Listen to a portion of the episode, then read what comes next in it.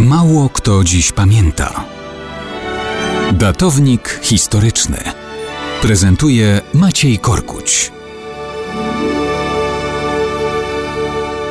Mało kto dziś pamięta, że na początku kwietnia 1204 roku opuściła ziemski padł po 82 latach życia Eleonora Akwitańska, jedna z najpotężniejszych kobiet średniowiecza, królowa Francji i Anglii i to bynajmniej nie jednocześnie. Wyedukowana, obeznana z łaciną, intelektem przewyższała wielu władców epoki.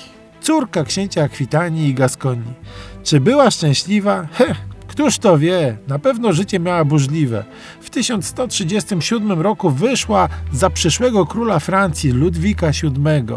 Małżeństwo to raczej do udanych być nie może zaliczone. Mimo różnych napięć Eleonora wyruszyła u boku męża na wyprawę krzyżową. Sukcesów tam Ludwik bynajmniej nie odniósł, za to dopełnił się rozkład ich małżeńskiego związku.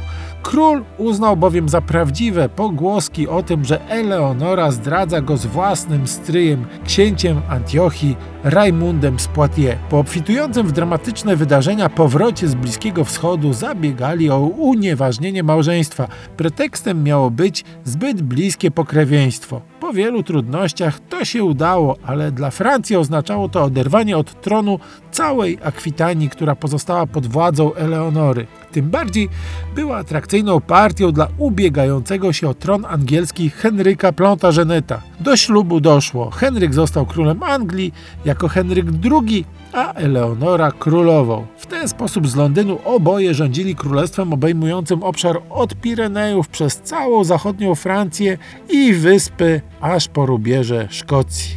Na nowym tronie miała też swoje ambicje. Cieniem na jej losach rzucił się podsycany przez nią bunt dorosłych synów przeciw ojcu, za który ten uwięził ją na całe 15 lat. Dopiero po jego śmierci została uwolniona przez jej ukochanego syna Ryszarda Lwie Serce, który objął tron w Londynie.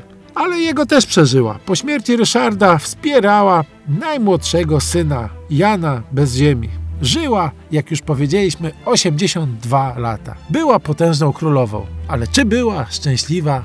Oto jest pytanie.